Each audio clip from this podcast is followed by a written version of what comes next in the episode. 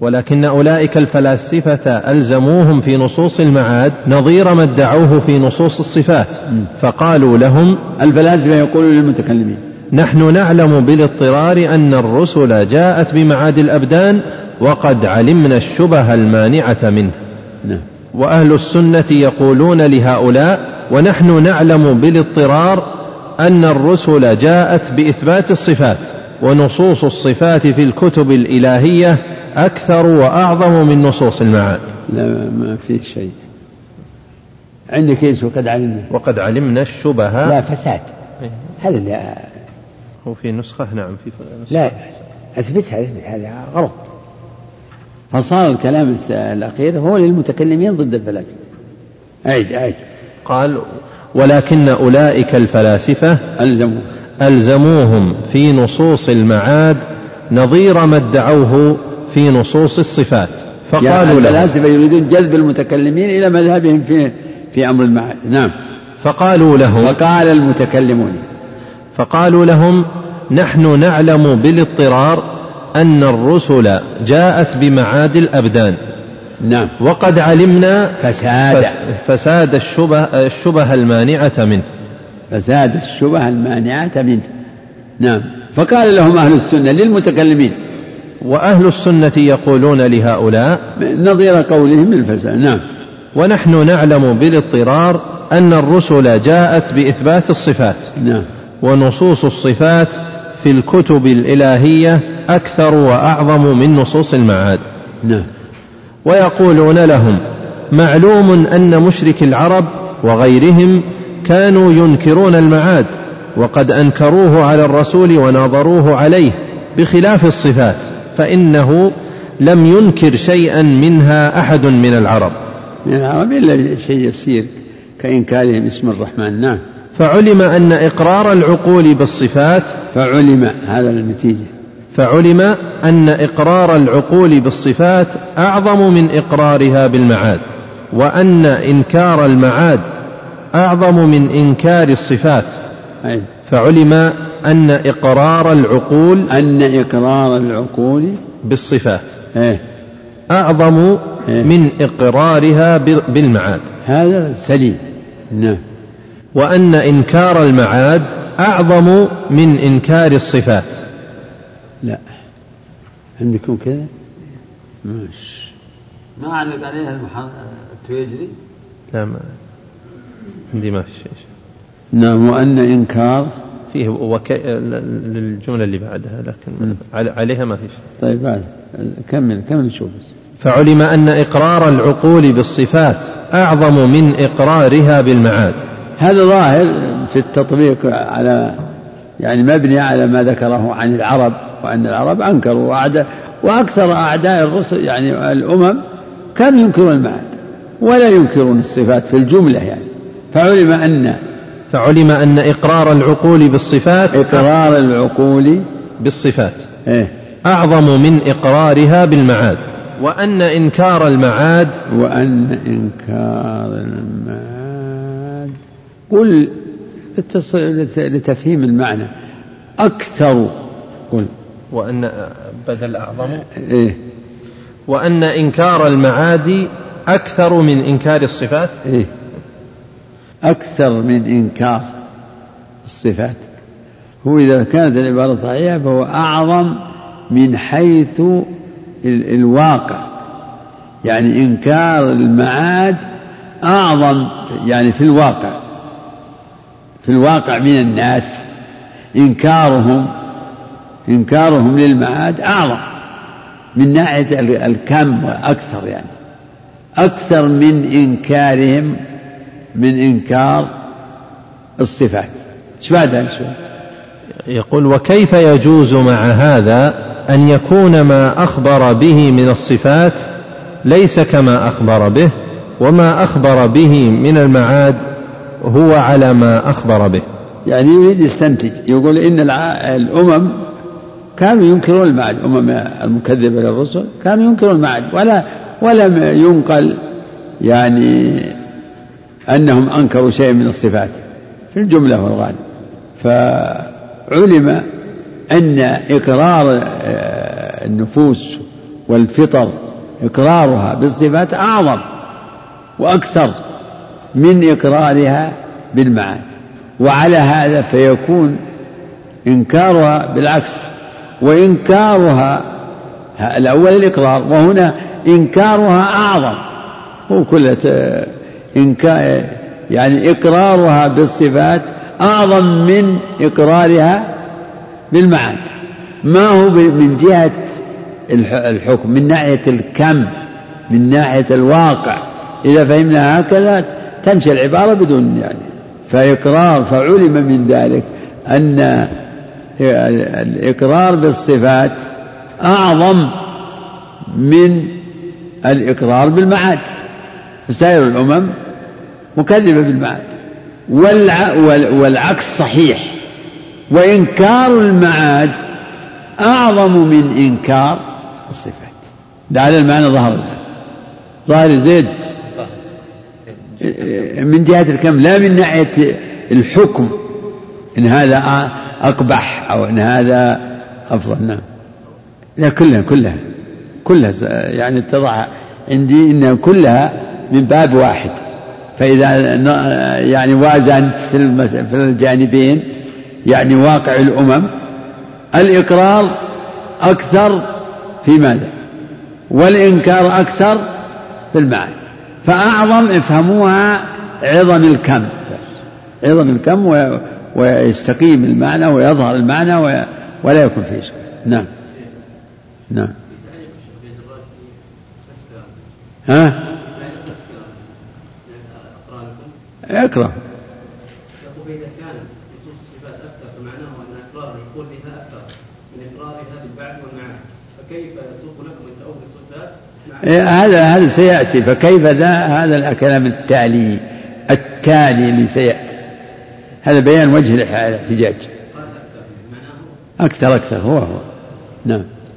قال رحمه الله وكيف يجوز مع هذا أن يكون ما أخبر به من الصفات ليس كما أخبر به وما أخبر به من المعاد هو على ما أخبر به. انتهى. نعم انتهى. والآن قال وأيضا فقد علم أنه صلى الله عليه وسلم قد ذم أهل الكتاب على ما حرفوه وبدلوه. يطول بس كفاية عند هذا؟ قبل قبل قبل قبل نفس الفقرة اللي قبل قبل هذه شوي. تصير هي الموقف. نعم. نقف عنده أيضا أيوة وأيضا إيش ولكن أولئك الفلاسفة ألزموهم في نصوص المعاد نظير ما ادعوه في نصوص الصفات. نعم. فقالوا لهم نحن نعلم من هم المتكلمون؟ كذا. نعم. إيه.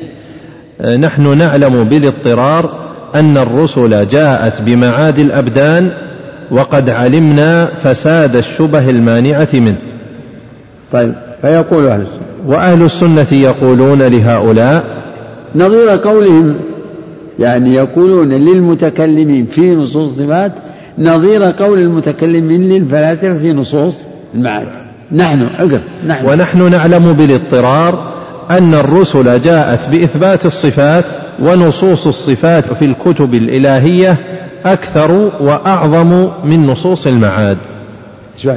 ويقولون لهم معلوم أن مشرك العرب وغيرهم. إلى آخر كيف هذا هذا يا أخي؟ نعم. هذا يقول فضيلة الشيخ السلام عليكم ورحمة الله وبركاته. آمل منكم الإجابة على هذه الأسئلة. يقول حجزت العام الماضي آه، وكنت في المدينة وذهبت إلى جدة ومنها أحرمت للحج لأنني لم أكن أجزم بالحج من المدينة. قلت إن تيسر لي حججت من جدة وقد تم الحج فهل يلزمني شيء؟ ما يلزمك شيء إذا كنت كما ذكرت أنك لم تكن عازما على الحج وأنه وأن عندك تردد يحتمل أن تحج ويحتمل ألا تحج فلا شيء عليك. أما إذا كنت عازما على الحج لكن تريد أنك تريح نفسك في هالوقت وتحرم من هناك أهون وتكون المدة أقصر فالأحوط لك أن تهدي هديا لأنك أحرمت من غير ميقاتك. هذا الذي عليه جمهور أهل العلم. نعم. ويقول أحسن الله في سؤاله الثاني لم أطف طواف الوداع جهلا مني فلما علمت أنه يجب علي رجعت من جدة وطفت للوداع فهل يلزمني شيء؟ لا يلزمك شيء إن شاء الله. نعم. آه، وهذا يقول أحسن الله إليك آه، شيخنا الكريم في أحد الكتب الدراسية ذكر عند شرح حديث إن لله تسعة وتسعين اسما من أحصاها دخل الجنة. قال من أحصاها آه، إحصاؤها ومن إحصائها الإحاطة بها لفظا. فهل هذه العبارة صحيحة؟ هو من إحصائها معرفة معرفة ألفاظها. هذا صحيح أنه قال من إحصائها من إحصائها معرفتها لفظا. وعدها يعني تكون معروفة. نعم. لا شك لكن إحصاؤها إحصاؤها بمعرفة معانيها أكمل. نعم. هذا يقول شيخنا الكريم أحسن الله إليك. آه، عندنا في المدرسة مصاحف زائدة عن الحاجة فهل يجوز إعطاؤها لمن يحتاجها خارج المدرسة؟ هذه أوقاف عامة فيجب أن لا تعطى لأحد يختص بها. توضع في في مساجد يقرأ بها الناس ويرجع فيها إلى الجهات المختصة يرجع فيها إلى الجهات التي صرفتها التي أخذت منها هذه المصاحف. نعم. يقول أحسن الله إليك شيخنا شيخنا الفاضل ما معنى الإمام ضامن؟ والمعروف جاء في الحديث الصحيح في الأئمة يصلون لكم فإن أصابوا فلكم ولهم وإن أخطأوا فلكم عليهم ويدخل في الضمان يدخل في الضمان أنه يتحمل سهو المأموم ويتحمل مثلا القراءة على قول بعض أهل العلم كما جاء في الأثر. من كان له إمام فقراءته له قراءة. فلعل هذا من ضمان الإمام. نعم. هذا يقول السلام عليكم. امرأة متزوجة وغنية وتريد أن تعطي أمها من زكاتها والأم أرملة وليس لها أولاد ذكور فهل يجوز ذلك؟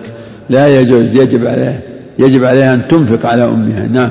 وهذا يقول أحسن الله إليكم فضيلة الشيخ. هل في فتوى للشيخ بن باز رحمه الله تعالى في السحر أنه يجوز فك السحر بالسحر؟ لا والله بل, بل الفتوى المعروفة أنه لا يجوز حل السحر بسحر مثله. نعم. هذا يقول أحسن الله إليك هل, الحج هل الحجر الأسود آه، عبادة مستقلة أم أنها تابعة للطواف؟ المعروف أنها تابعة للطواف ليست عبادة مستقلة بل هي تابعة للطواف وأحيانا تكون تابعة لأعمال الحج.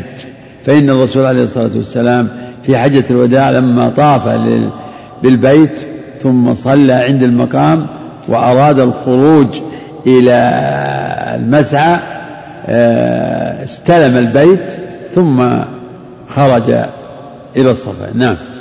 وهذا وسؤال آخر يقول هل هناك غلو في ذات الله وكيف يكون ذلك؟ إيه؟ اللي يقولون إن, إن, إن ذات الله هي الوجود كله هذا من الغلو في التوحيد. غلو في التوحيد يقول ما فيه لا موجود إلا الله. هذا من من الغلو الذي يجمع أنواع الكفر. يقول الله هو هذا الوجود. كله كله هو الله ما في غيره. ما في الوجود إلا الله. لا موجود معنى لا إله إلا الله لا موجود إلا الله. يعني معنى الحيوانات والجمادات والشياطين والملائكة كله كله هو الله.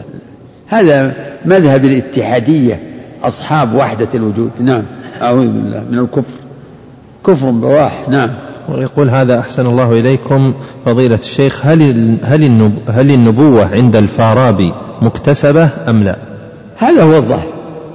هذا مقتضى. إنما ما هي بشيء يتلقونه عن الله.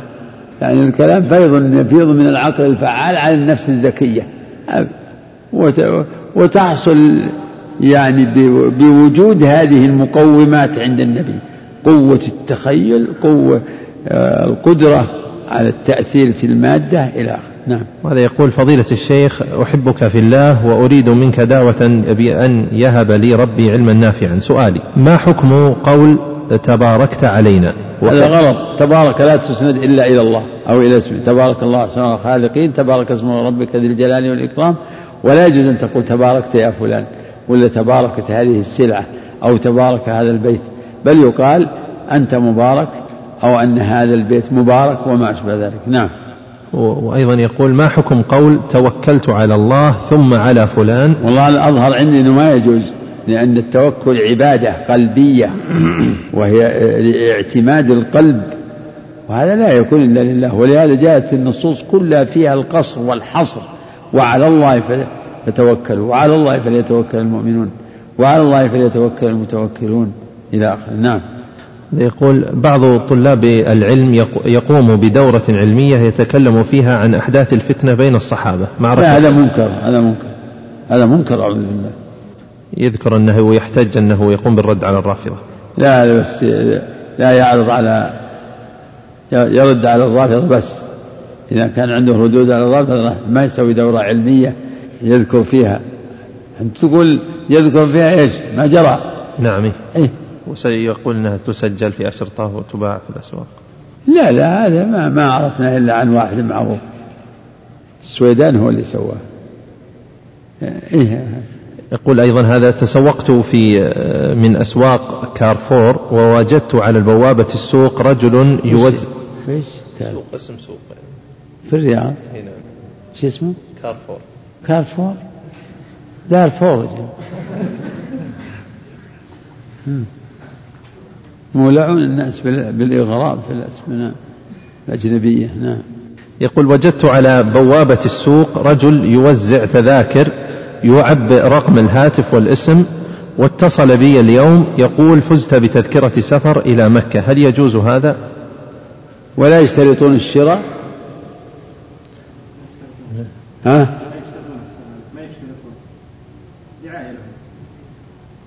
الذي يظهر انه لا مانع. مثل يحطون إنهم يحطون طعام واللي يجي للسوق يتفضل ويأكل. يأكلون بدون اللي يشتري واللي ما يشتري. لجذب الناس حتى اللي يجون لابد إنهم يدربونهم يدربونهم على السوق. ويمكن بعد يخدعونهم يظهرون يرخصون أول ثم يقلبون كلها يعني في الغالب أنها احتيالات على الناس. لكن الأصل أن هذه الصورة بهذه الصفة ما يظهر لي فيها مانع. نعم. وهذا يسأل يقول أحسن الله إليكم ما معنى الوطأة المضافة إلى الله؟ في الحديث وإن آخر وطأة وطأها الله كانت بوجه. لا أعرف هذا. نعم لا أدري هذا. أولا ينظر في الحديث وينظر في كلام أهل العلم. آخر وطأة وطأها الله. نعم. وهذا يقول أيضا سمعنا حفظكم الله أن لكم كتابا صدر بعنوان تحصيل المقصود. فما موضوع هذا الكتاب؟ موضوع شرح منظومة ابن أبي داود. التمسك بحبل الله واتبع الهدى ولا تكن بدعيا لعلك تفلح. وآخر سؤال يقول ما الفرق بين ما قالت أهل, التأو...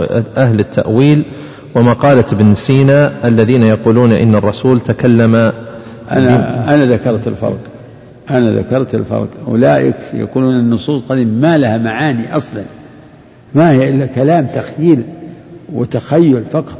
أما هؤلاء يؤمنون بأن القرآن منزل من عند الله وأنه يعني وأنه كلامه على اعتقادهم يعني أنه كلام مخلوق أو غير مخلوق شيء ثاني. وأنه كلامه لكنه لم يرد ظاهره بل أراد منه معاني تخالف هذا الظاهر ووكل معرفتها إلى اجتهاد الناس. أما أولئك لا ما, ما لها معاني أصلا ولا جاءت من عند الله ولا نعم. نعم. بسم الله الرحمن الرحيم. الحمد لله والصلاة والسلام على رسول الله وعلى آله وصحبه ومن اهتدى بهداه. أما بعد قال المؤلف رحمه الله تعالى في سياق رده على أهل التأويل وأيضا فقد علم أنه صلى الله عليه وسلم قد ذم أهل الكتاب على ما حرفوه وبدلوه. ومعلوم أن التوراة مملوءة من ذكر الصفات. فلو كان هذا مما حرف وبدل لكان إنكار ذلك عليهم أولى فكيف وكانوا إذا ذكروا بين يديه الصفات يضحك تعجبا منهم وتصديقا؟ ولم يعدهم قط بما تعيب النفاة لأهل, لأهل الإثبات. ولم يعبهم قط بما تعيب النفاة. أهل. أحسن الله إليك. عندي أنا عندي لأهل. أهل أهل أحسن الله ولم يعبهم قط بما تعيب النفاة أهل الإثبات مثل لفظ التجسيم والتشبيه ونحو ذلك. بل عابهم بقولهم يد الله مغلولة وقولهم إن الله فقير ونحن أغنياء وقولهم استراح لما خلق السماوات والأرض فقال تعالى ولقد خلقنا السماوات والأرض وما بينهما في ستة أيام وما مسنا من لغوب. والتوراة مملوءة من الصفات المطابقة للصفات المذكورة في القرآن والحديث وليس فيها تصريح بالمعاد كما في القرآن. فإذا جاز أن نتأول الصفات التي اتفق عليها الكتابان فتأويل المعاد الذي انفرد به أحدهما أولى. والثاني مما يعلم بالاضطرار من دين الرسول صلى الله عليه وسلم أنه باطل فالأول أولى بالبطلان. وأما الصنف الثالث. نعم. قال بعدها وأما الصنف الثالث وهم أهل التجهيل الحمد لله وصلى الله وسلم وبارك على عبده ورسوله وعلى آله وصحبه ومن اهتدى بهداه. تقدم أن المنحرفين عن سبيل المؤمنين وعن الصراط المستقيم وعما مضى عليه الصحابة أنهم ثلاثة طوائف أهل تأويل وأهل أهل تخييل وأهل تأويل وأهل تجهيل تقدم الكلام في أهل التخييل عرفنا حقيقة مذهبهم وأنهم في الحقيقة جحد مبطن لما جاء به الرسول عليه الصلاة والسلام. حيث زعموا أن ما أخبر به الرسول عن ربه وعن اليوم الآخر إنما هو تخيل ليس مطابقا للواقع. وأنهم يسلكون هذا في أخبار الصفات وفي أخبار المعاد. يرون أن الجميع كلها من قبيل التخييل وأما أهل التأويل فهم المتكلمون. بدءا بالجهمية ثم المعتزلة ثم الأشاعرة ومن أخذ بنصيب من هذا المذهب أعني مذهب التعطيل. وتعلمون أن أهل التأويل هم فريق من أهل التعطيل. فأهل التعطيل طائفتان أهل تأويل وأهل تفويض وأهل التفويض هم الذين سيأتي ذكرهم. سماهم الشيخ أهل التجهيل. والشيخ رحمه الله سلك في هذا الموضع يعني طرقا للرد عليه على أهل التأويل. منها أن تأويلهم لنصوص الصفات فتحوا به الباب لأهل الت... لأهل التخيير أن يحتجوا عليهم أن يحتجوا عليهم في نصوص المعاد.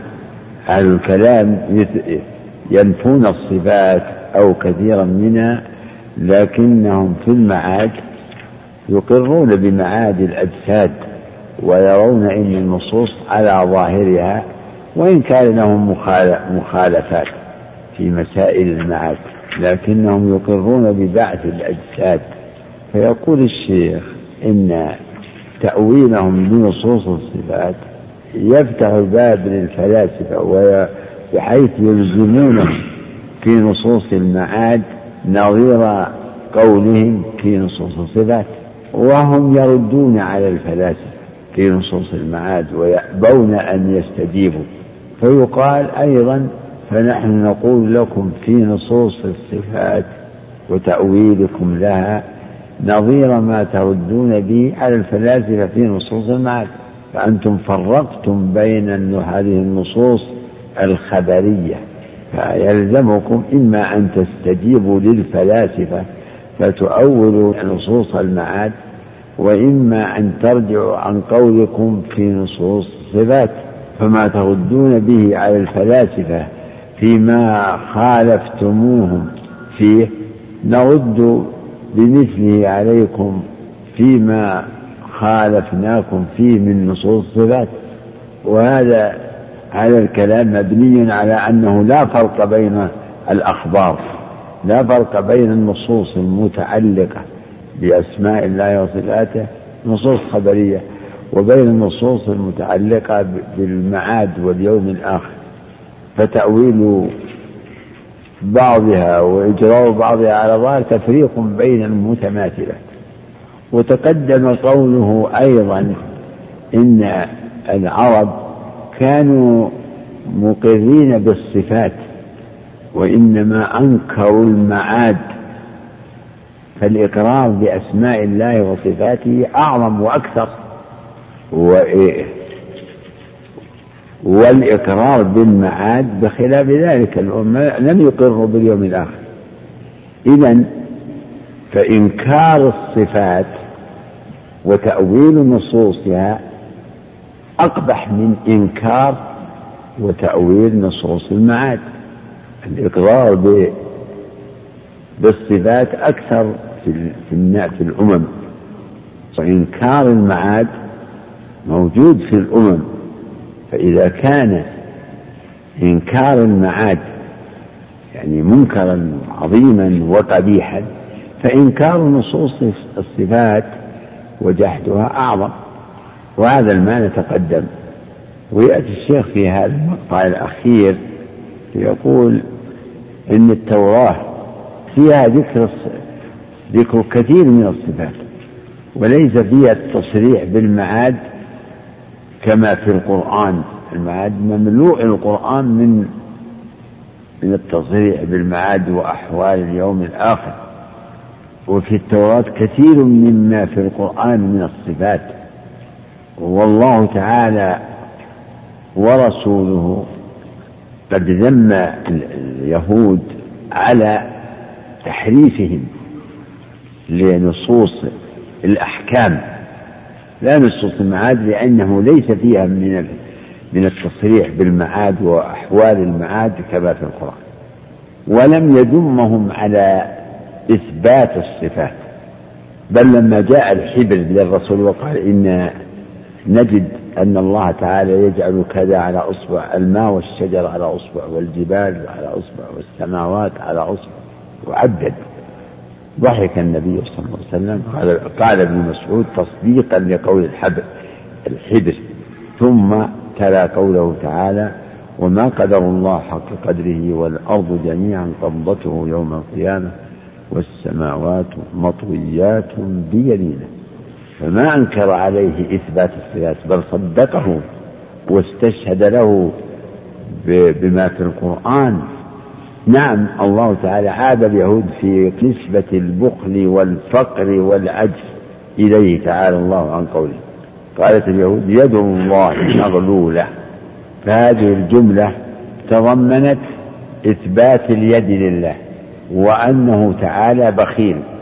فهل أبطل الله الأمرين؟ أبطل قولهم مغلولة. وذلك في قوله بل بل يداه مبسوطتان إذا هذه الآية بل يداه فيها إثبات اليدين وقول مبسوطة فيها الرد على اليهود في قولهم يد الله مغلولة. فلم ينكر عليهم نسبة اليد إليه بل أثبت وأكد قولهم يد الله. أكد ذلك. بل يداه وذكر اليدين بلفظ التثنية بل يداه مبسوطتان ينفق كيف يشاء. خلاف ما قال اليهود إن يده تعالى مغلولة. كناية عن البخل ولا تجعل يدك مغلولة إلى عنقك ولا تبسطها كل البسط فتقعد ملوما محسورا. إذا ما جاء في الكتابين التوراة والإنجيل ولم يعبهم الرسول صلى الله عليه وسلم اليهود على إثبات الصفات علم إن تأويل هذه النصوص ونفيها فيه مخالفة للكتابين للتوراة والقرآن للتوراة والقرآن. وهذه مناقشة لأهل التأويل لأن أهل التأويل والقول بالتأويل والقول بالتفويض اللي هو التجهيل كلاهما مبني على التعطيل. والآن الكلام في مع التأويل في تأويلهم لا في التعطيل. يعني هم أصلوا مذهب التعطيل أصلوه بالشبهات التي يزعمونها عقليات. فلما أصلوا التعطيل وقالوا إن موجب العقل هو نفي الصفات احتاجوا إلى أن يحددوا موقفهم من النصوص. إيش موقفهم من النصوص؟ هو تأويلها. وما معنى التأويل عندهم؟ صرف اللفظ عن الاحتمال الراجح إلى احتمال مرجوح لدليل. وهل لهم دليل في صرف نصوص الصفات عن ظاهرها؟ لا دليل. ليس لهم من الأدلة إلا الشبهات التي نفوا بها الأسماء والصفات. نعم اقرأ من من من الطائفة الثانية أعد الموضوع. من أوله؟ إيه نقرأ قال رحمه الله وأما أهل التأويل. نعم.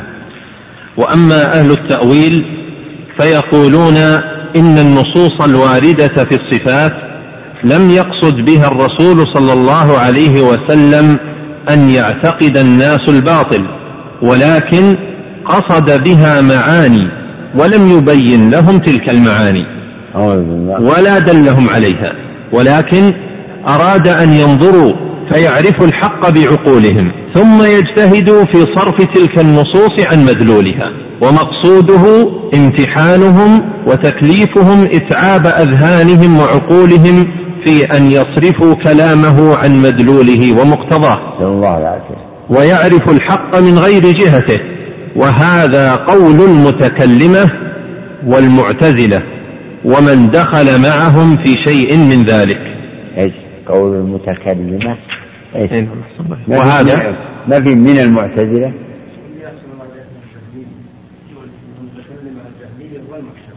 المتكلمة. الجهمية أحسن أحسن هذه قرأناه وقفنا عنده. إيه نعم. الجهمية والمعتزلة. وهذا؟ نعم. لا لا المتكلمة والجهمية. المتك... الجهمية والمعتزلة نعم. وهذا المتكلمة الجهمية. نعم. وهذا قول المتكلمة الجهمية والمعتزلة. نعم ومن دخل. ومن دخل معهم في شيء من ذلك. نعم. والذين قصدنا الرد عليهم في هذه الفتيا هم هؤلاء. إذ كان نفور الناس عن الأولين. هم هؤلاء قلناها لكم قلنا أهل التأويل يريد. إذ نفور الناس عن الطائفة الأولى أي أهل التخيير يعني عامة المسلمين ينفرون عن قول أهل التخيير يعني نقول يعني فساده أظهر كيف؟ يعني الرسول يتكلم بما لا بما لا يعرف ولا يعلم أو أنه يكذب على الناس من أجل يعني إصلاحهم. كذب. هذا ينفرون. السنة يقول وهؤلاء يعني يريد أهل الكلام يريد أهل التأويل. هم الذين قصدنا الرد عليهم. لأن الناس لا ينفرون عن مذهبهم كما ينفرون عن مذهب الفلاسفة أهل التقليد نعم. إذ كان نفور الناس عن الأولين مشهورا نعم. بخلاف هؤلاء. نعم. فإنهم تظاهروا بنصر السنة في مواضع كثيرة وهم في الحقيقة لا للإسلام نصروا ولا للفلاسفة كفروا. نعم. ولكن أولئك الفلاسفة ألزموهم في نصوص المعاد نظير ما ادعوه في نصوص الصفات. ألزموهم نعم. فقالوا لهم نحن نعلم بالاضطرار. فقالوا لهم فسرناها. من؟ أي المتكلمين؟ أي المتكلمين؟ قالوا للفلاسفة نعم. فقالوا لهم نحن نعلم بالاضطرار أن الرسل جاءت بمعاد الأبدان. نعم. وقد علمنا فساد الشبه المانعة منه. فساد هذه يضيف نعم. نعم. وأهل السنة يقولون لهؤلاء ونحن نعلم بالاضطرار يعني كما يقول هؤلاء للفلاسفة نعم ونحن نعلم. ونحن ونحن نعلم بالاضطرار إيه. أن الرسل جاءت بإثبات الصفات ونصوص الصفات في الكتب الإلهية أكثر وأعظم من نصوص المعاد. نعم. ويقولون لهم معلوم أن مشرك العرب من مشرك يعني العرب وتماما لهذا؟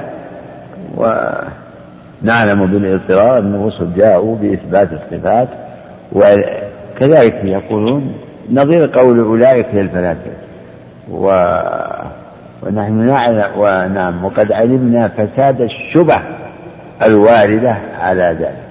يعني أيضا شبه النفاة فساد شبه النفاة كما يقول المتكلمون للفلاسفة نحن نعلم بالإطار أن الرسل جاءوا بمعاد الأجساد ويقولون أيضا نعلم فساد الشبه فساد الشبه المعارضة لذلك.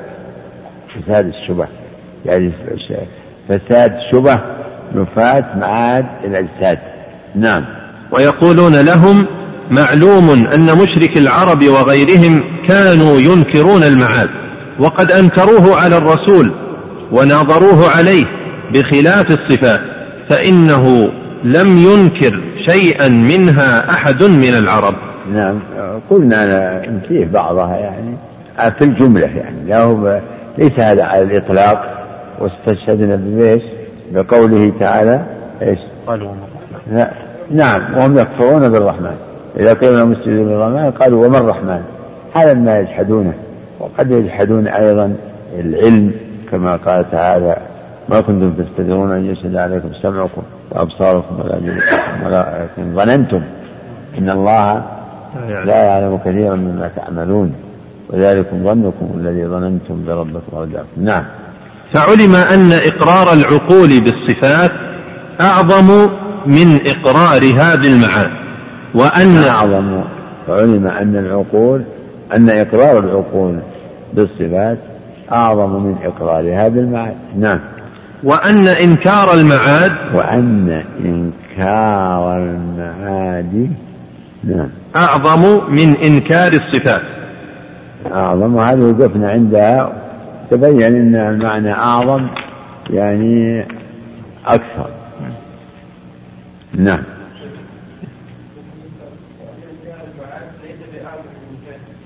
إيش؟ فيه نسخة وش اللي عندك النسخة اللي عندك؟ اقرأ. طيب اقرأ اقرأ شوف. في تصويب من الشيخ؟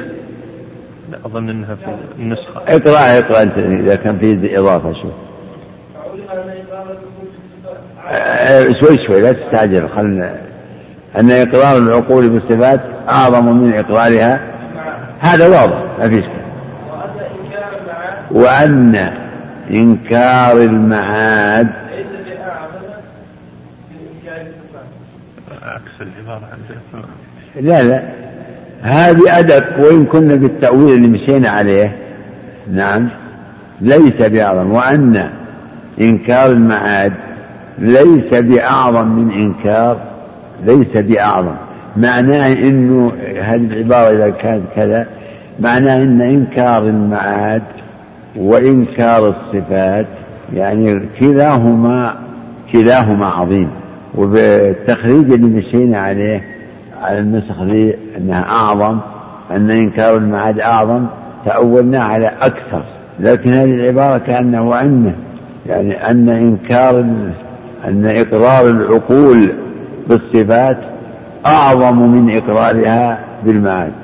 وأن إنكار المعاد ليس بأعظم من إنكار الصفات ليس بأعظم. يعني بل إنكار الصفات مثل مثل إنكار المعاد بل أعظم نقول يعني في في القبح بالشناعة والمخالفة للفطر والعقول إنكار المعاد ليس بأعظم من إنكار الصفات. بل نقول إن إنكار الصفات أعظم. هذا مبني على أن إقرار العقول بالصفات أعظم من إقرار هذه المعاد. فينبني على هذا أن إنكار المعاد نعم ليس بأعظم من إنكار من إنكار الصفات. عند المتكلمين عندهم يستعظمون إنكار إيش؟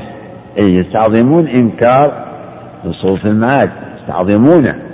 الشيخ يريد يقول إن إنكار المعاد الذي يقول به المشركون ليس بأعظم من إنكار الصفات. فإنكاركم أيها المتكلمون للصفات مثل إنكار المشركين للمعاد بل بل هو أقبح بناء على أن إقرار العقول بالصفات أعظم من إقرارها بالمعاد. فما كان إقرار العقول به أعظم كان إنكاره كان إنكاره أعظم. طيب ما هو السؤال؟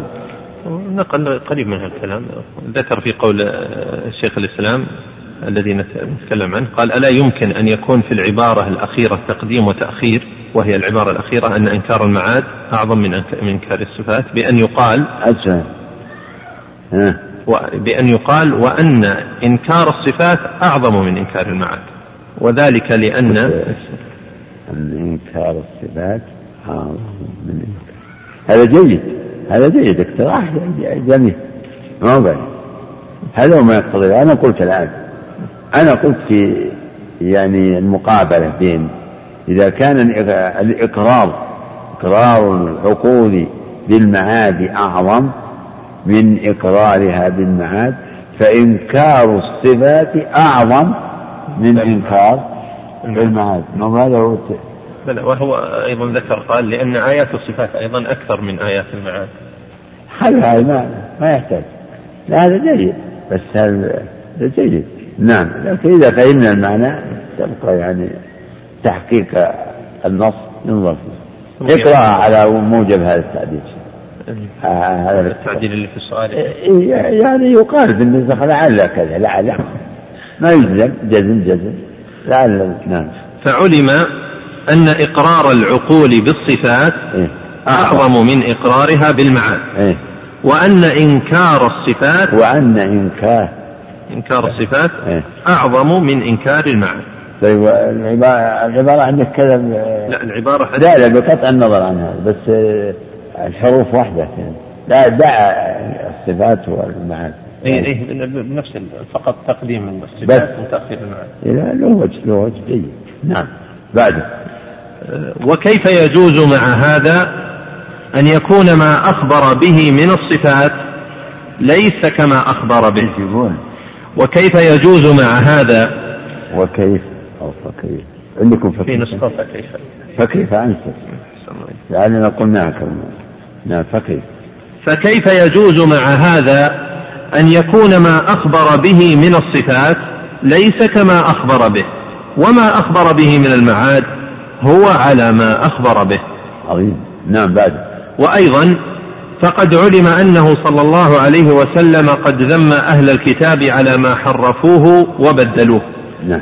ومعلوم أن التوراة مملوءة من ذكر الصفات فلو كان هذا مما حرف وبدل لكان إنكار ذلك عليهم أولى.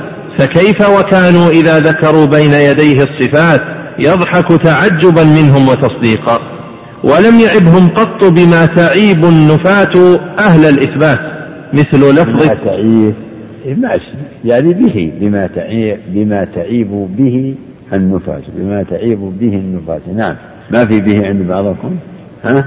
يجوز يجوز نفي العائد إذا جر بما جر به الموصول. نعم. مررت بالذي مررت أي به نعم. مثل لفظ التجسيم والتشبيه ونحو ذلك. بل عابهم بقولهم يد الله مغلولة. وقولهم إن الله فقير ونحن أغنياء. نعم. وقولهم استراح لما خلق السماوات والأرض. فقال تعالى ولقد خلقنا السماوات والأرض وما بينهما في ستة أيام. وما مسنا من لغوب.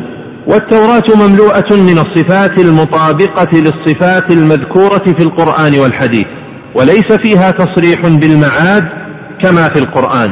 فإذا جاز أن نتأول الصفات لا ليس فيها تصريح بالمعاد كما في القرآن. لا كما في القرآن. يعني معناه إن أنه قد ذكر فيها المعاد لكن لم يذكر بالتفصيل الذي جاء في القرآن. وإلا فقد قال المؤمن مؤمن آل المؤمن من آل فرعون يقول اقرأوا ويا قوم إني أخاف عليكم مثل يوم الأحزاب ويا قوم إني أخاف عليكم مثل يوم الأحزاب. دابكم من نوح وعاد وثمود والذين من بعدهم والله يريد ظلما للعباد ويا قوم إني أخاف عليكم يوم التناد يوم تولون المدبرين ما لكم من الله من عاصم من يضلل الله فما له من هاد. إلى قوله وقال الذي آمن يا قوم اتبعوا لأهلكم سبيل الرشاد. يا قوم إنما هذه الحياة الدنيا متاع وإن الآخرة هي دار القرار. من عمل سيئة فلا يجزى إلا مثلها من عمل صالحا من ذكر أنثى وهو مؤمن فأولئك يدخلون الجنة يرزقون بغير حساب. ويا قوم ما لي أدعوكم من النجاة؟ وتدعونني إلى النار. تدعونني أكفر بالله وأشرك به ما ليس لي به علم وأنا أدعوكم إلى العزيز الغفار لا جرم أن ما تدعونني إليه ليس له دعوة في الدنيا ولا في الآخرة وأن مردنا إلى الله وأن المسرفين هم أصحاب النار. الآيات لكن ليس فيها من تفصيل أمر المعاد مثل ما في القرآن. القرآن في تفصيل عظيم عن اليوم الآخر. صور كاملة في شأن المعاد عن تغير هذا العالم إذا السماء انفطرت وإذا الكواكب انتثرت إذا الشمس كورت وإذا إلى غير ذلك. آيات كثيرة. سبحان الله. نعم. وليس فيها تصريح بالمعاد كما في القرآن. فإذا جاز أن نتأول الصفات التي اتفق عليها الكتابان فتأويل المعاد الذي انفرد فإذا جاز يعني على حد قولكم. يعني من باب الإلزام إذا جاز على حد دعواكم. إذا جاز نعم. تأويل. فإذا جاز أن نتأول الصفات التي اتفق, علي اتفق عليها الكتابان فتأويل المعاد الذي انفرد به أحدهما أولى والثاني مما يعلم بالاضطرار من دين الرسول صلى الله عليه وسلم أنه باطل. نعم. فالأول أولى. بالبطلان الله أكبر. انتهى. انتهى. الآن الصف الثالث جزاك الله خير. قف عليه نعم. اقرأ الأسئلة إيه الله الله سبحان الله العظيم. والله كلام معقول. كلام يعني مفحم. لا يستطيع دفعه إلا معاند. لا يستطيع آه، دفعه من النفاة إلا معاند. نعم. يقول أحسن الله إليكم. هذا السائل يقول في قول الله تعالى فلما آتاهما صالحا جعل له شركاء فيما آتاهما. فتعالى الله عما يشركون. ما اختيار سماحتكم في هذه الآية؟ هل هي في آدم وحواء أم في ذريتهما؟ بل في ذريتهما. والله أعلم. ولكنه من نوع الانتقال من الشخص إلى الجنس كما قال تعالى ولقد خلقنا الإنسان من سلالة من طين. من هو؟ ها؟ طيب ثم جعلناه نطفة. من هو؟ ها؟ الذرية. ففي هذا وهذا كثير. يوجد في القرآن. الانتقال من الشخص المعين إلى الجنس. والذي خلقكم من نفس واحدة آدم. وجعل منها زوجها حواء. ليسكن إليها. فلما تغشاها حملت حملا خفيفا فمرت به. فلما ألقت دعوا الله راح انتقل السياق للجنس ولهذا اقرأ سلسل الكلام. جعل له شركاء فيما آتاهم فتعالى. الله عما يشركون. أيشركون ما لا يخلق شيئا وهم يخلقون ولا يستطيعون لهم نصرا ولا أنفسهم ينصرون. نعم وإن تدعوهم إلى الهدى لا يتبعوكم سواء عليكم أدعوتم هل هذا كله في آدم؟ نعم. هذا سؤال أيضا أحسن الله إليك. يقول في قوله صلى الله عليه وسلم تعرف آه، على الله في الرخاء يعرفك. إلى. الله تعرف إلى الله في الرخاء يعرفك في الشدة. ما معنى المعرفة المضافة إلى الله في هذا الحديث؟ لا إله إلا الله. معلوم قطعا أنه ليس المراد المعرفة التي هي نوع من العلم. والله ما يوصف بالمعرفة يوصف بالعلم. لكن تعرف إلى الله بماذا؟ بطاعته. يعرفك في الشدة بحفظك ونصرك. وكشف الشدة عنك فالمعرفة هنا يعني تتضمن آه، آه، الإحسان وهذا أمر معروف. يعني يقولون لك يعني يا فلان ما تعرفني يعني ما تعرفني إلا في يعني في يعني في الشدة. وصديقك هو الذي يعني يعني يعرفك في شدتك لا في شدته. صديقك من هو الذي يعرفك في في شدتك يعينك ويسعفك ويحسن إليك. أما الذي لا يعرفك إلا في شدته إذا جاله إذا جاله شدة جاء يعرفك صار يعرفك. فالمراد بالمعرفة هنا هي المعرفة بالإحسان والثواب والكشف الشدة. نعم. صلى الله إليك. يقول هل يدخل في النهي من خرج من المسجد بعد الأذان لأنه سيصلي في مسجد أقرب لمسكنه والله الحديث مطلق فما ينبغي للإنسان يخرج بعد الأذان. ينبغي نأخذ النصوص على إطلاقها نأخذ النصوص على ظاهرها اللي عنده ظرف شيء آخر.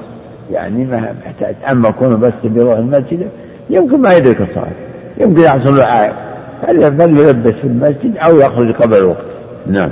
وهذا يقول نشهد الله أننا نحبك في الله شيخنا عبد الرحمن. الله يجزاك خير أحبك الله. ونسأل الله أن يجمعنا وإياك والحاضرين في الفردوس الأعلى. الله يعفو عنا يوم جزاك الله خير. نعم. كيف نجمع بين وجوب بغض الكافر وقوله تعالى وجعل بينكم مودة ورحمة ومعلوم أنه يجوز للمسلم أن يتزوج أن يتزوج ما, ما أدري طيب وش تقول في محبتك لأبويك الكافرين؟ محبتك هذا هل المسلم يبغض أبويه الكافرين؟ ولا يحبهما محبة طبيعية؟ يحبهم ويبغضهم. يحبهما المحبة الطبيعية أبواه. ويبغضهما لكفرهما. وهذا البغض لا يمنعه من صلتهما والإحسان إليهما وبرهما مع أنهما قد يجاهدانه ليكفر. أليس لي ولوالديك إلي المصير؟ وإن جاهداك على أن تشرك بي ما ليس لك به علم فلا تطعهما. صاحبهما في الدنيا معروفا سبحان الله. كذلك لله الحكمة البالغة يعني يعني لو تزوج الإنسان كتابية فإنه يحبها المحبة الطبيعية ويبغضها لكفرها. فهل لو, كان له زوجتان مسلمة وكتابية. يعني إذا لم يفرق بينهما فهو على خطر. يعني معناه ما في فرق بينهم كلهم يحبهما ولا يبغض واحدة منهما. هذه المسلمة يحبها المحبة الطبيعية والمحبة الدينية الإيمانية يحبها لدينها لإيمانها يحبها في الله. وهذه يحبها المحبة الطبيعية لا غير ويبغضها في الله. هذا وهذا كثير. لعل من شواهد هذا قوله تعالى إنك لا تهدي من أحببت. نزلت في أبي طالب. الرسول نعلم قطعا أنه يحب عمه. أي محبة؟ طبيعي. طبيعي نعم. هذا يقول أحسن الله إليكم. فضيلة الشيخ السلام عليكم. جاء في الدعاء يا حي يا قيوم بك أستغيث. وبعضهم يقول برحمتك أستغيث فما حكم ذلك؟ كلاهما صح. إذا كان بك أستغيث يمكن أن يكون مثل أعوذ بك منك. أعوذ بك منك. وإذا كان برحمتك فهو برحمتك أستغيث فهو من نوع التوسل. من نوع أدخلني برحمتك في عبادك الصالحين برحمتك أدخلني برحمتك. نعم. ويقول أيضا ما حكم قول قوس قزح؟ والله ما يعني ما ما على فيه مانع شرعي ما قوس قزح بس.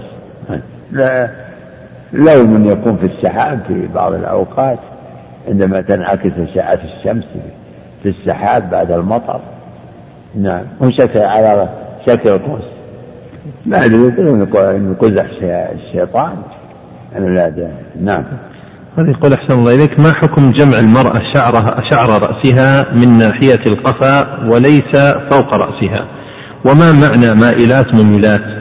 الذي في حديث أبي هريرة الطويل. جمع جمع شعرها وراها في ظهيرة. هذا ما ما أقول لا أقول فيه شيئا.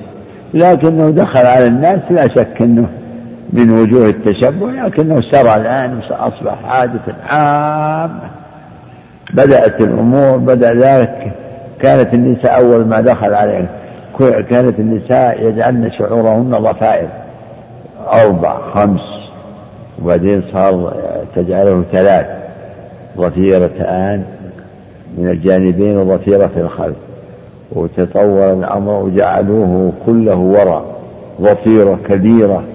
ثم بدأت يتضايقن النساء من الشعور فالتي لا تقصر شعرها كثيرا تلف وتلويه حتى يصير وهذا كله من من يعني من من تأثير التقليد أو التشبه كله. لكنه أهون من جمعه فوق الرأس أهون. الله نعم. وهذا يقول شيخنا أحسن الله إليكم هل يجوز للجنب إمرار القرآن على قلبه دون لسانه؟ إيه هذا أصلا ما هو قراءة اللي يفكر ما قرأ. لو أنك في الصلاة فكرت في سورة الفاتحة. ما صحت صلاة. ما تصح الصلاة ولا تعد قارئا إذا فكرت في الآيات تفكيرا ومريت عليها بذهنك. نعم. ويقول ما المراد بتخفيف ركعتي سنة الفجر؟ إي ما تروح سنتين الفجر تقرأ فيها عم والنبأ والنازعات أو تقرأ فيها. لا تقرأ فيها الكافرون وقل هو الله أحد. نعم. يسأل هل أيضا في الركوع والسجود يكون التشهد التخفيف؟ إي نعم. نعم وهذا يقول ما صحة هذه المقولة؟ نحن لا نكره من أصر عن معصية أو بدعة آه، وكان فيه خير وطاعة وإنما نكره معصيته وبدعة لا لا نكرهه بحسبه. لا نسوي بين الفاسق من المسلمين والتقي من المؤمنين. لا نسوي بينهم. بل نحب هذا ونعرف له فضله ومنزلته لإيمانه وتقواه وصلاحه ونبغض هذا لما ظهر من حاله وفجوره وفسقه لكننا لا نسويه بالكافر. بل هذا أخونا أخونا في الله أخونا وإن كان عاصيا. لكن ما هذه تلبيس. حتى الكافر يقول لا تبغض الكافر ابغض كفره. هذا يقولون الآن لكم. ما قالوها لكم؟ قالوها. وهي مثل فما يقال في العاصي على هذه الطريقة يقال في الكافر. لا تبغض الكافر ابغض كفره. لا بل نبغض الكافر. نعم. وهذا يقول أحسن الله إليكم ما حكم السفر للخارج لأجل الدراسة؟ إن كنت قد ابتليت بهذا فنسأل الله لك العافية. لا أرى الذهاب ولا أرى جواز السفر لبلاد الكفر تكون تلميذا ليهودي أو نصراني أو شيوعي وتكون مخالطا لنسائهم وكفارهم وتعرض نفسك للشبهات والشهوات. لكن إذا كثر النساء قل الإحساس. مع الاندماج وهالتواصل حتى الفتاوى صار فيها دين ورخاء والضرورة. أكثر هذه الدراسات اللي يذهبون إليها ما هي بضرورة. أكثرها ما هو بضرورة. يروح يتعلم علم يستفيد. مش يستفيد؟ يستفيد مؤهل من أمريكا مؤهل من فرنسا مؤهل من بريطانيا. هذه لا رنين عندهم. يعني أنت لو تخرجت بتميز من جامعة الملك سعود يعني تصير يعني عادي ما تلفت الانتباه. لكن جيت من جامعة فلانية بشهادة وهذا كله بسبب الإعجاب بالكفار وإكبارهم وعظمهم في عقول الجهال من الناس. نعم. الله إليك. يقول ما حكم شراء سيارة بالتأجير المنتهي بالتمليك؟ والله يا أخي هذا ما أرى. وفي قرار نهاية كبر العلماء أنه ما يجوز. وفي هذا خلاف بين المعاصرين يعني عقد مزدوج. لا هو بيع ولا هو بيجار. عقد فيه تردد. نعم. ويقول لو لو اشترى شخص سيارة من المعرض ثم باعها علي بالتقسيط دون أن تنتقل ملكيتها إلى اسمه علما بأن شراءه للسيارة إنما كان من أجلي. ما أرى هذا أنه يشتري لك. لا. يشتري لك هذه حيلة محضة. ماذا؟ يعني ما شرى سيارة. شرى سيارة ليبيعها عليك. وكأنه شرى لك سيارة دفع المبلغ وأنت ما لك حاجة بالسيارة أيضا. أنت حاجك بالفلوس. إيه بس دوران. ما أرى. أنا أرى أنه يبي فلوس السيارة يشتري ممن يملك السيارة. إذا كان شخص عنده سيارات يبيع بالحاضر والمؤجل نعم اشتري منه أما واحد بس. تقول أنا والله بحاجة للفلوس قال أنا أروح أشتري لك سيارة. هذه عملية تورق عند البنوك في الفروع الإسلامية. نعم نعم. هذه يقول أحسن الله إليك ما حكم تقنين أحكام الشريعة؟ هذا السؤال يا خلوا لغيره ما يقدم ولا آخر. الذي عليه المحققون من أهل العلم أنه ما يجوز. هذا اللي وفيه ناس يتعودوا يقولون أنه مجرد يعني صياغة الفقه الإسلامي بطريقة مواد بحيث أنه يكون مبنية الأحكام مبنية بناء على المادة كذا. هذا طريق لتشبيه الأحكام الشرعية والفقهية بالقوانين تصير المادة هي المستند بناء على مادة كذا وخلاص. ولا يعنى بدليل ولا يعنى بشيء بشيء. منتهي منتهي ما يخرج عنه ولا ينظر في أدلة ولا يمكن يغير ما يمكن. ويكفينا إن دعاته دعاتهم الأصغانيون ومن شابههم أو قاربهم. نعم. يسأل أيضا ما حكم تسمية الأنظمة؟ قوانين. أبد عادي هذا تعبير لفظ مختلف. بس إنهم يعني يعبرون بأنظمة لأن القانون فيه فيه شوي وحشة. يعبرون بالأنظمة ولا هو هو هو ما يتغير. العبرة بالحقائق نعم. ويقول بعض الشركات تريد أن تجعل الإجازة الأسبوعية يوم الجمعة والسبت فما حكم هذا العمل؟ أنا أظن ما يجوز. هذا هذه سياق. في طريقة تشبه تشبه باليهود. ثم من بعده يوم الأحد هو كلام ما الأحد أيضا هذا كتب في كتابات وفتاوى وكذا لكن يعني طرح على مستوى الرسمي على أساس أنه تصير الإجازة الرسمية العامة كذا لكن الحمد لله كأنهم توقفوا عنه وجاء هذا الذي لم يوفق. وقال ما في مانع ان ودوا يا شركات ودوا يحط اجازه يوم السبت. ما يخالف. وأنت تسأل وأنت مالك من الامر بس تسأل السؤال. أقول ما أنت المسؤول عن شركه يقول بس نعم. وهذا السؤال أيضا يقول إذا صلى المسافر خلف إمام مقيم. يتم ولو لم يدرك إلا ركعة. نعم. السؤال الأخير يذكر السائل موقف حصل له هو وصاحبه.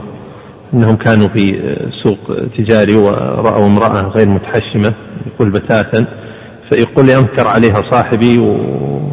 فرفعت صوتها و... ورددت بعض الكلمات وقالت لكم دينكم ولي دين فرد عليها يقول صاحبي بكلمة يقول سبري هذه هذه مهاوس بس هو يسأل عن فعل صاحبه وعن فعل المرأة. كذا كذا يعني. بدل الزبي الله سيكفينا شر من العقوبة يا شيخ هذه أمنة العقوبة الله يصلح الجميع يكفينا شر الفجار والكفار والمنافق انتهى. انتهى أحسن ماشي. نعم بسم الله الرحمن الرحيم.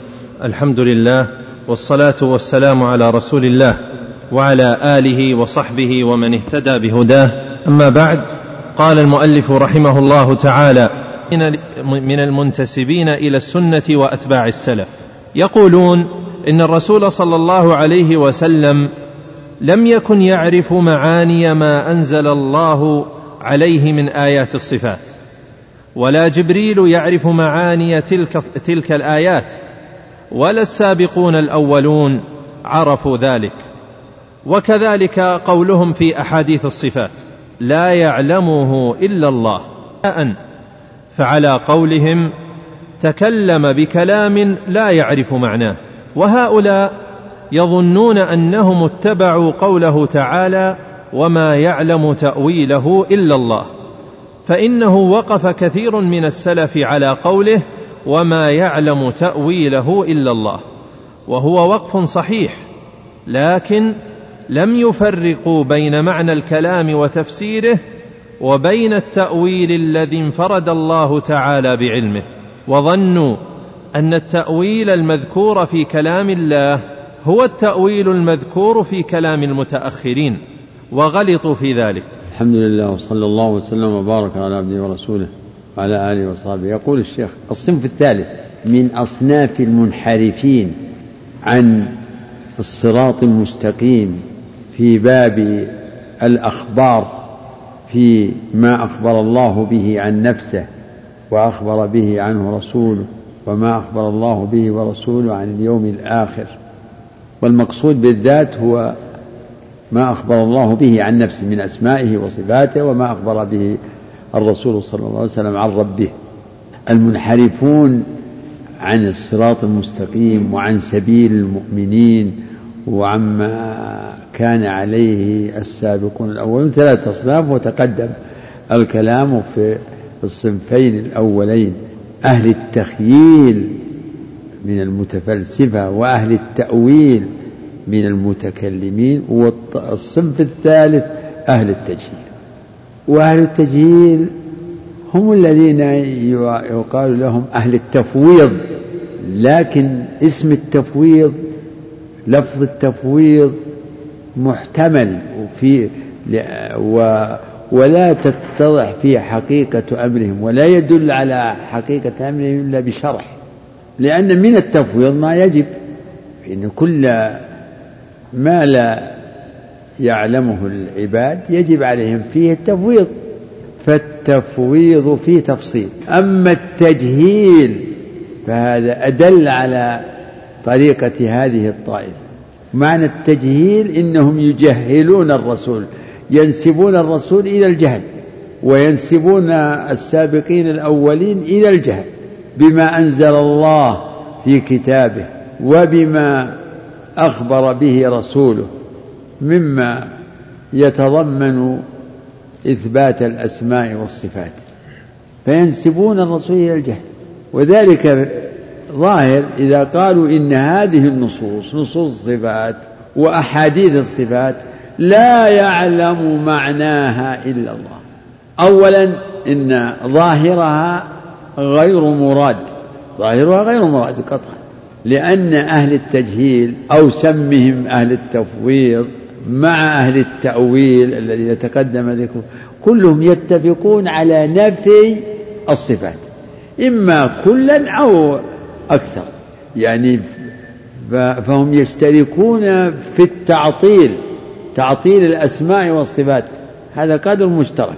إما الجميع جميع الأسماء والصفات كالجهمية أو الصفات كالمعتزلة أو كثير من الصفات كالأشاعرة مثلا والماتريدية المقصود إنهم جميعا يشتركون في التعطيل. لكن يختلف مذهبهم في النصوص. فأهل التأويل يقولون إن لها معاني. لها معاني يجب على العباد أن يعني أن يبحثوا عنها وأن ويجب عليهم أن يفسروها بعقولهم واستنباطهم كما تقدم. أما أهل التجهيل أو أهل التفويض فيقولون يجب الإمساك فإنه لا سبيل إلى معرفة ما أراده الله منها فإن المراد منها ظاهرها غير مراد لكن المراد منها المعاني المخالفة لظاهرها هذا هو التأويل الذي لا يعلمه إلا الله. فيحتجون على مذهبهم ذلك يحتجون بالآية وما يعلم تأويله إلا الله. فيقولون فيجعلون نصوص الصفات من المتشابه الذي لا يعلم معناه إلا الله. وما يعلم تأويله إلا الله. وهذا على على قراءة الوقف وهي قراءة الجمهور جمهور القراء. بل جميع السبع يقفون على لفظ الجلالة وما يعلم تأويله إلا الله. قرأ بعض السلف بالوصل وما يعلم تأويله إلا الله والراسخون بالعلم. يقول الشيخ ولم يفرق هؤلاء بين التأويل الذي لا يعلمه إلا الله وهي حقائق الغيب وبين التأويل بمعنى التفسير. والتأويل الذي في الآية على قراءة الوقف على لفظ الجلالة ليس معناه التفسير بل معناه الحقيقة كقوله تعالى لا هل ينظرون إلا تأويله يوم يأتي تأويله وسيذكر الشيخ في الجملة الآتية يذكر معاني التأويل. فلم يفرقوا بين التأويل بمعنى الحقيقة والتأويل بمعنى التفسير بل فسروا الآية بالتأويل الاصطلاحي. ما هو التأويل الاصطلاحي؟ التأويل في, في اصطلاح المتكلمين هو صرف اللفظ عن الاحتمال الراجع إلى احتمال مرجوع لدليل. فيقولون إن هذه النصوص لها معاني تخالف ظاهرها وهذه المعاني التي تخالف ظاهرها الآيات محمولة عليها لكن هذه المعاني لا يعلمها إلا الله. فلا يعلم المراد من هذه النصوص وهي المعاني التي تخالف ظاهرها لا يعلم المراد منها إلا الله. لا يعلم المعاني المرادة المرادة منها لا يعلمها إلا الله. ومعنى لا يعلمها إلا الله إذا لا الرسول ولا جبريل ولا الصحابة من باب أولى. فالرسول لا يعلم معاني تلك الصفات فلا يعلم معنى يعني الوجه واليدين ومعنى المجيء. وجاء ربك ولا معنى الاستواء. مثلا استوى على العرش لا يعلم معناه بل الرسول لا يعلم معنى ما ما يقوله هو ما يعرف معنى ينزل إلى أعوذ بالله يعني الشيخ يعني صور مذهبهم تصويرا يتبين به قبح هذا المذهب وبطلانه أعوذ بالله. ما يعرف معنى ينزل وهو يتكلم به. ولا معنى يضحك إلى رجلين ولا معنى أن الله أشد فرحا ولا معنى حتى يضع رب العزة فيها رجله. ولا هذا يقوله عاقل إذا ما الواجب علينا على ما حد قوله؟ الواجب علينا أن نقرأ ألفاظ بدون ولا, ولا نسأل. لا تسأل ما معنى استوى على العرش. لا تسأل. ولا تفهم. بل ولا تتدبر لا تفكر لا تتدبر. التدبر إنما هو فيما يمكن فهمه. هذا لا يمكن فهمه. ولا تتدبر شيء من الآيات آيات الصفات بل ولا أحاديثها. لا تفكر فيها ما يجوز. ما يجوز أنك تتدبر ما المراد بهذه الآية؟ ما المراد باستوى؟ ما المراد بقوله ويبقى وجه ربك؟ إيش؟ لا الواجب الإمساك وتفويض معاني هذه الآيات إلى الله. والإيمان بأنه لا يعلم معناها إلا الله لا الرسول ولا جبريل ولا الصحابة. اذا فأنت أيها المسلم كذلك لابد هذه النصوص يعني أنزلت للتعبد بتلاوتها. وكفى بما ذكر قبحا وبطلانا مذهب ينسب الرسول صلى الله عليه وسلم والسابقين الأولين إلى الجهل بما أنزل الله.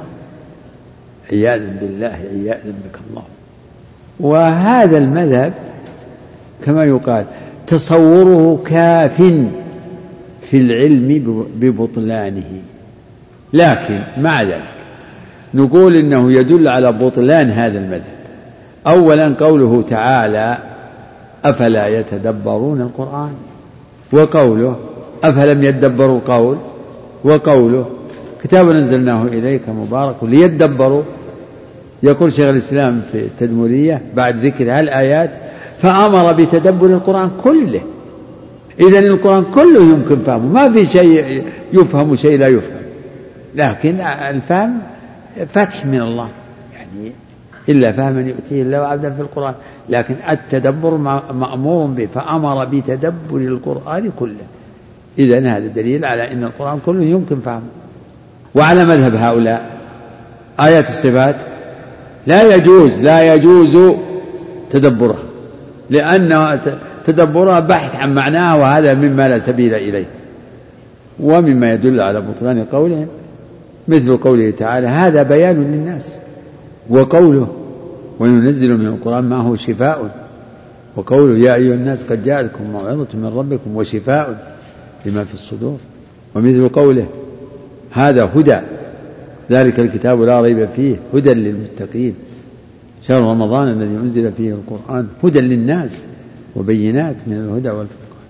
وعلى قول أهل التجهيل أهل التفويض في معاني هذه النصوص لا يكون القرآن بيانا.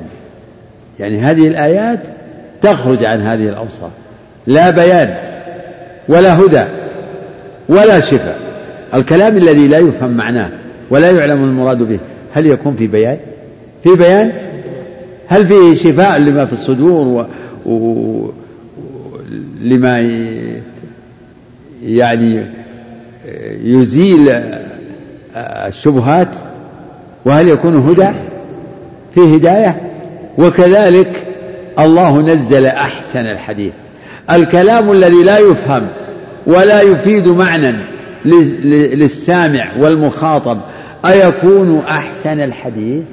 حسن الحديث يكون بالإفادة والإفهام.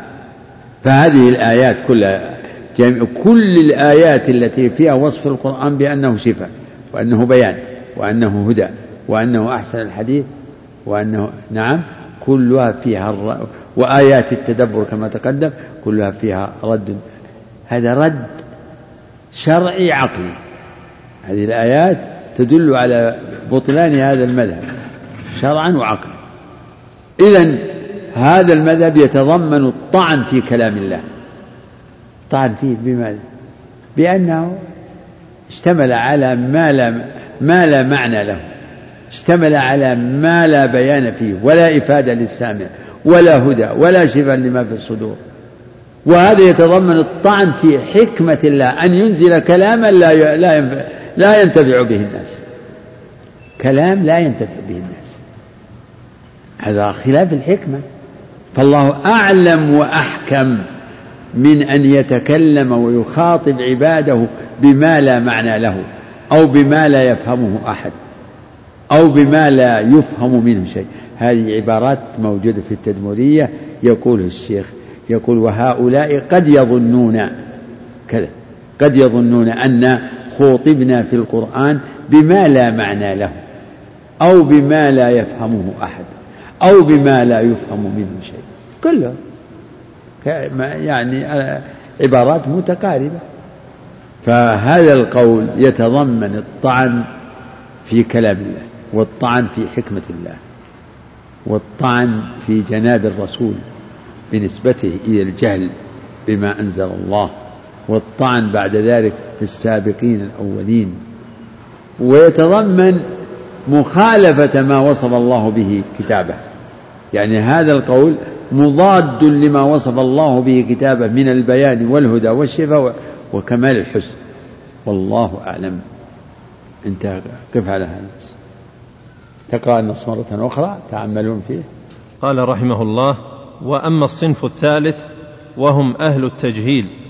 أهل التجهيل قلنا إنهم هم الذين يعبر عنهم أحيانا بأهل بأهل التفويض وهم مع أهل التأويل وش ما العلاقة؟ وما هو العلاقة بينهم؟ كلهم يلتق... يلتقون في التعطيل يعني بنسب يعني كل بحسب ولكنهم ينقسمون ويختلفون في موقفهم من النصوص. نصوص الأسماء.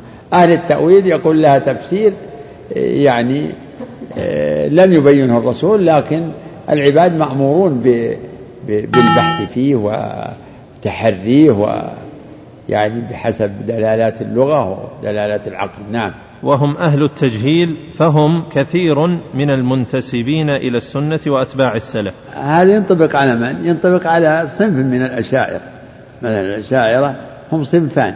صنف أهل تأويل يوجبون في النصوص التأويل وصنف يوجبون فيها التفويض نعم.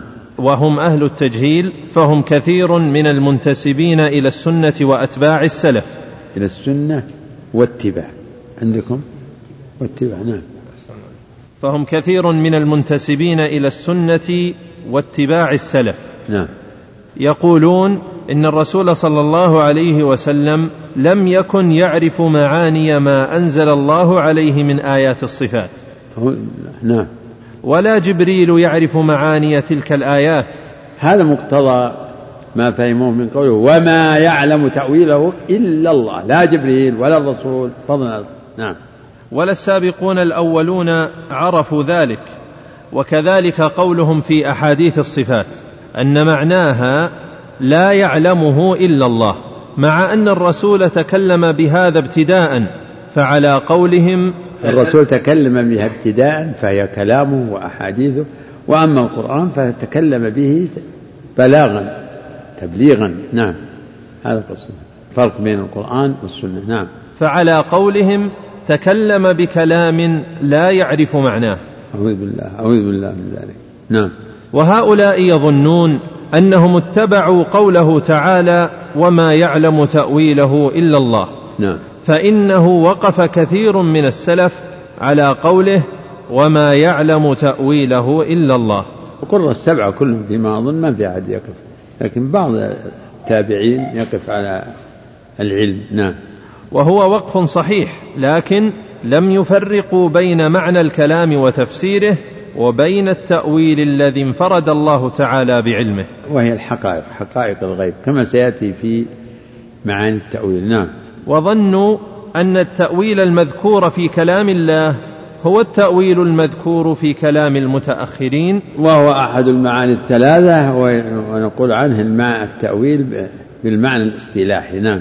ففسروا الآية بالمعنى الاصطلاحي ولا يجوز تفسير القرآن بالمعاني الاصطلاحية.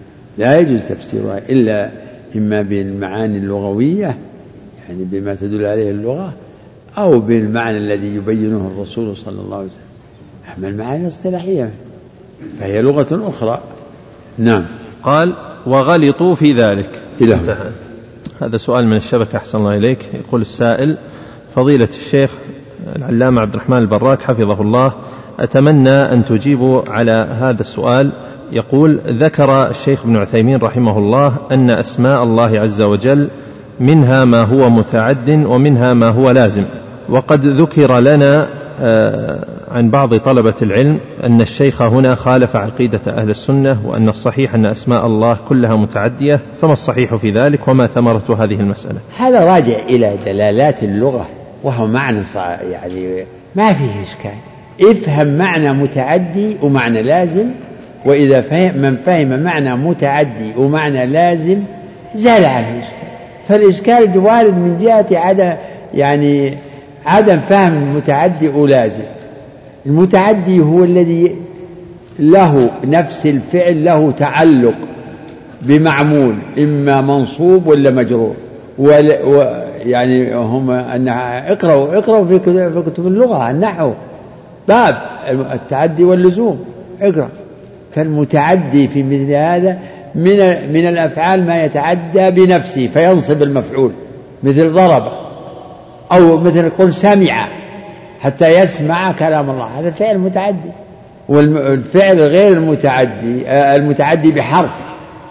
مثل إن شئت قل ركب على الفرس. يمكن يتعدى بحرف وبلا حرف ركب الفرس أو ركب على الفرس. لكن في افعال ما ما تتعدى إلى متعلق ما لها متعلق. مثل يعني نتكلم من حيث اللغة.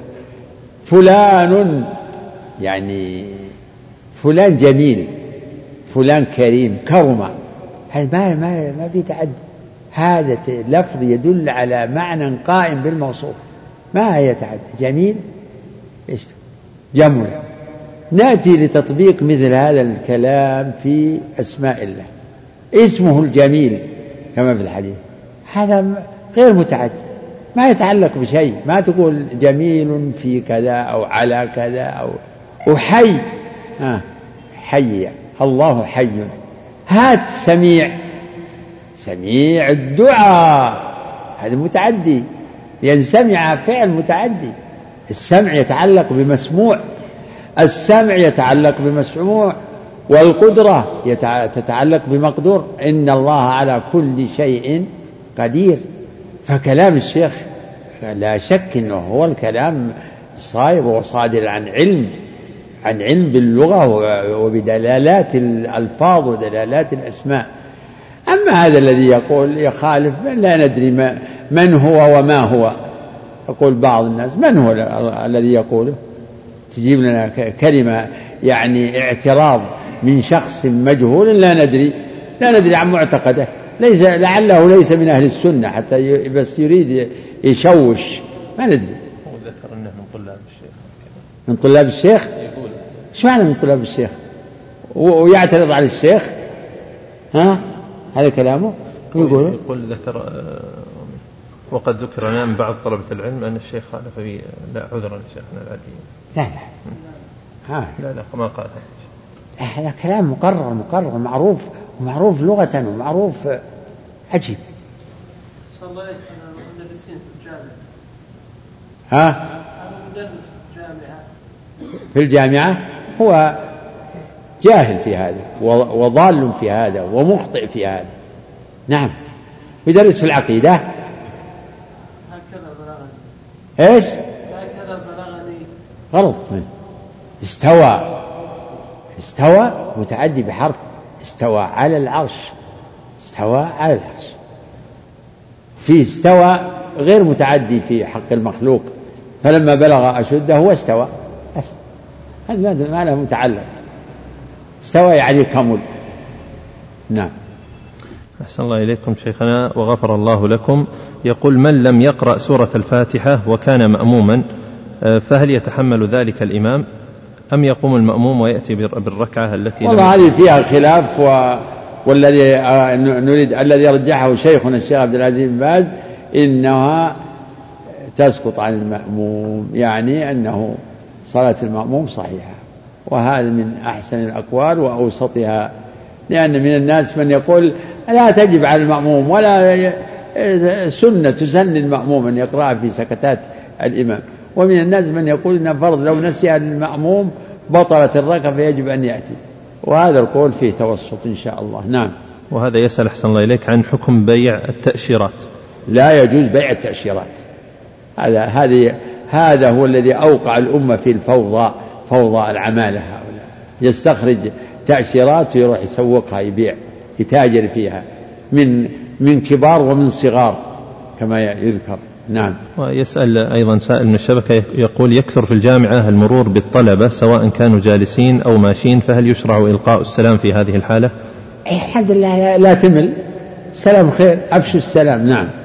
وأيضا يسأل يقول في رسائل الجوال يرسل الأخ لأخيه في بداية الرسالة السلام عليكم فهل يجب رد السلام على أساس أن الكتابة كالخطاب أيه كله عليكم السلام ما دام أنها رسالة أنت مخصوص بها ومرسلة السلام الحمد لله. نعم. وهذا يقول فضيلة الشيخ رعاك الله ما هو موقف ابن قدامة رحمه الله من التفويض؟ والله في كلام فيه كلام يوهم يوهم التفويض في بعض الأمور. نعم. وهذا يقول السلام عليكم ورحمة الله وبركاته. شيخنا حفظك الله. أشهد الله أني أحبكم في الله وسؤالي هو أنه يوجد في العمل الذي أعمل فيه موظفين من الشيعة فكيف يكون تعاملي معهم وبما توصونني في دعوته في دعوتهم؟ وسؤال آخر أيضا يسأل عن حكم بدأهم بالسلام. على كل حال أبد إذا كانوا مسالمين ولا يتكلمون بما عن مذهبهم ولا آه، يلمزون أهل السنة بل هم قائمون بواجبهم الوظيفي فلا يعني أبد عاملهم بالحسنى يعني فلا اعتداء ولا ظلم ولا أرى مانع من السلام عليهم ولا سيما مع غيرهم إذا كانوا يعني مجموعة. ولكن لا تتخذ يعني منهم صديقا وحميما ولا يكون هناك انبساط كأنه مثل أخيك من أهل السنة. لكن عاملهم معاملة ليس فيها ظلم ولا عدوان وأدي عملك معهم لأنه قد تكون شريكا معهم في العمل. أما من يتكلم ويفتخر بمذهب التشيع ويلمز أهل السنة فهذا عامله بال يعني بالخشونة والجفا والهجران والإعراض والإنكار. نعم.